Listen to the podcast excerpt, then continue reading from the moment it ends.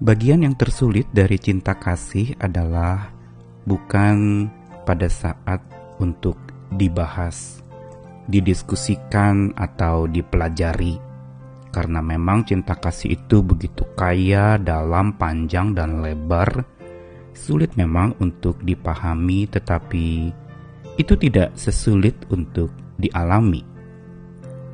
Dan yang kedua adalah hal yang paling sulit dari cinta kasih adalah bukan pada saat di mana itu dibahasakan dengan bahasa-bahasa puitis yang indah terdengar dari para pujangga cinta yang menuliskan sastra tentang cinta yang begitu indah, madah-madah tentang cinta yang begitu mendayu dan romantis.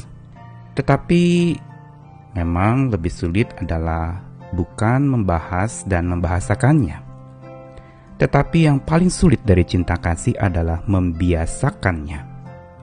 Membiasakan untuk melakukannya. Karena cinta kasih, love dalam bahasa Inggris itu adalah kata kerja. Dan berarti itu bukan satu kata benda mati, tapi sesuatu yang dinamis dan harus dilakukan. Namun demikian, banyak orang yang justru gagal di dalam melakukannya. Tidak terbiasa melakukannya, hanya sebatas membahas dan membahasakannya, tetapi menjadi lemah dan lengah pada saat diminta untuk biasa melakukannya. Bagaimana membangun kebiasaan untuk menjadi pelaku-pelaku cinta kasih? Ini adalah disiplin rohani yang paling sulit untuk dilakukan tetapi justru kalau berhasil dilakukan, ini akan mengatasi begitu banyak masalah dan akan memulihkan berbagai macam kerusakan-kerusakan relasi, juga kerusakan-kerusakan pribadi. Saya Nikolas Kurniawan menemani di dalam Sabda Tuhan yang akan menyapa kita lagi hari ini dari 1 Yohanes pasal 3 ayat 14 sampai 18 kita tahu bahwa kita sudah berpindah dari dalam maut ke dalam hidup, yaitu karena kita mengasihi saudara kita. Barang siapa tidak mengasihi, ia tetap di dalam maut. Setiap orang yang membenci saudaranya adalah seorang pembunuh manusia. Dan kamu tahu bahwa tidak ada seorang pembunuh yang tetap memiliki hidup yang kekal di dalam dirinya. Demikianlah kita ketahui kasih Kristus yaitu bahwa ia telah menyerahkan nyawanya untuk kita, jadi kita pun wajib menyerahkan nyawa kita untuk saudara-saudara kita. Barang siapa mempunyai harta duniawi dan melihat saudaranya menderita kekurangan tetapi menutup pintu hatinya terhadap saudaranya itu, bagaimanakah kasih Allah dapat tetap di dalam dirinya? Anak-anakku, marilah kita mengasihi bukan dengan perkataan atau dengan lidah, tetapi dengan perbuatan dan dalam kebenaran. Yohanes adalah seorang murid Yesus yang mencatatkan begitu banyak hal yang begitu indah tentang kasih.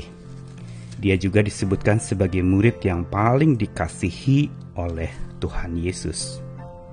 Dan tulisannya dalam surat yang pertama, 1 Yohanes tadi, Panjang lebar, dalam dan tinggi dia mendeskripsikan kasih secara komprehensif.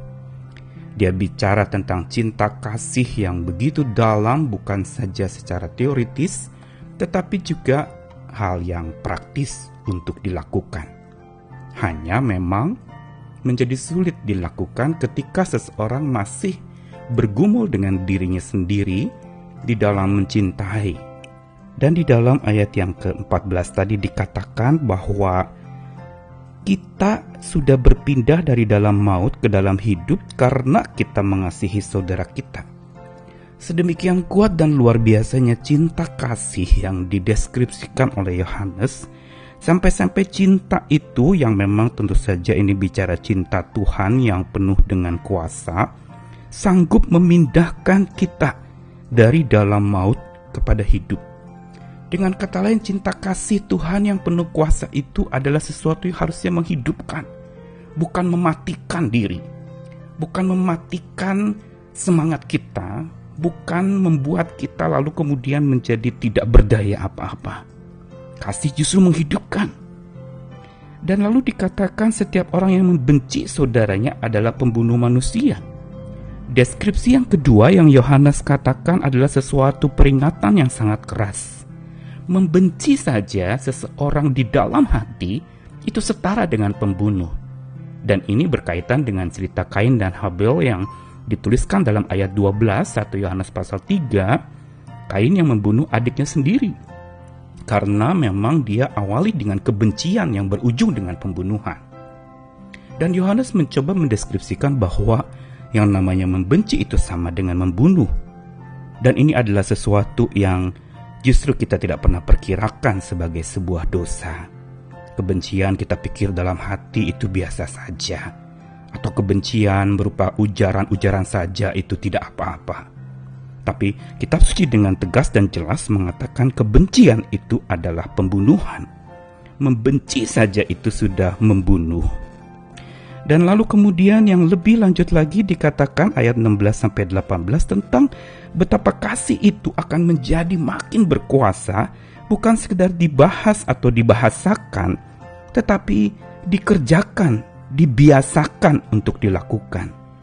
Dengan tindakan tadi dikatakan menyerahkan hidup kita untuk saudara-saudara kita, ada sebuah pemberian diri, dan juga dikatakan menolong mereka yang kekurangan, membuka pintu hati terhadap saudara yang membutuhkan akan perhatian, dan ditegaskan lagi ayat 18 bahwa memang kasih itu bukan sekedar perkataan atau dengan lidah diucapkan, tetapi berupa sebuah perbuatan dan dengan tangan dilakukan, dengan kaki pergi menuju orang yang membutuhkan kasih itu, agar mereka bisa hidup di dalam kebenaran. Bagaimana untuk kita bisa menjadi pelaku cinta kasih yang membiasakan hidup dan gaya hidup mengasihi itu terjadi? Perlu adanya disiplin, pembelajaran yang terus-menerus membangun sebuah kebiasaan.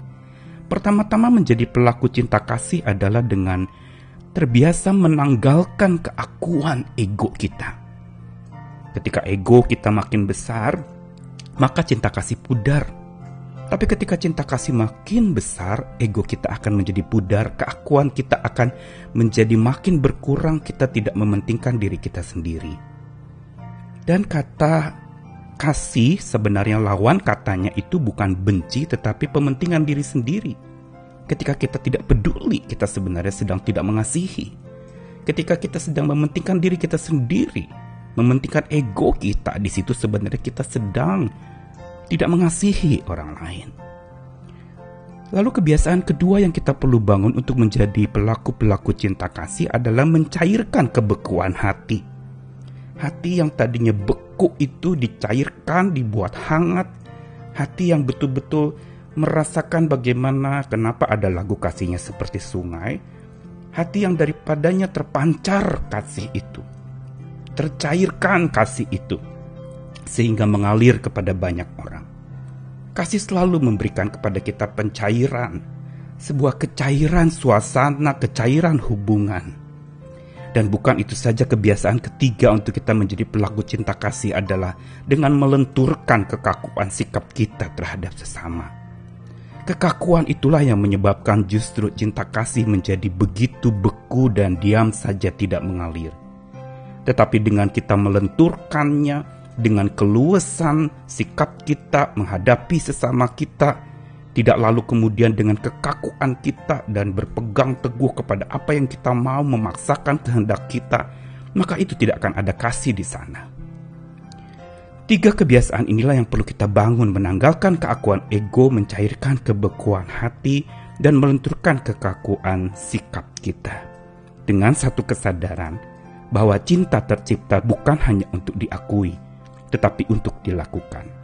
Karena itu hari-hari ini ketika hidup dan dunia kita sedang dipenuhi oleh kebencian, amarah, dan pementingan diri sendiri, marilah kita menjadi pelaku-pelaku cinta kasih yang membangun kebiasaan mencintai, sebagai satu budaya bukan sekedar bahasa di dalam hidup kita.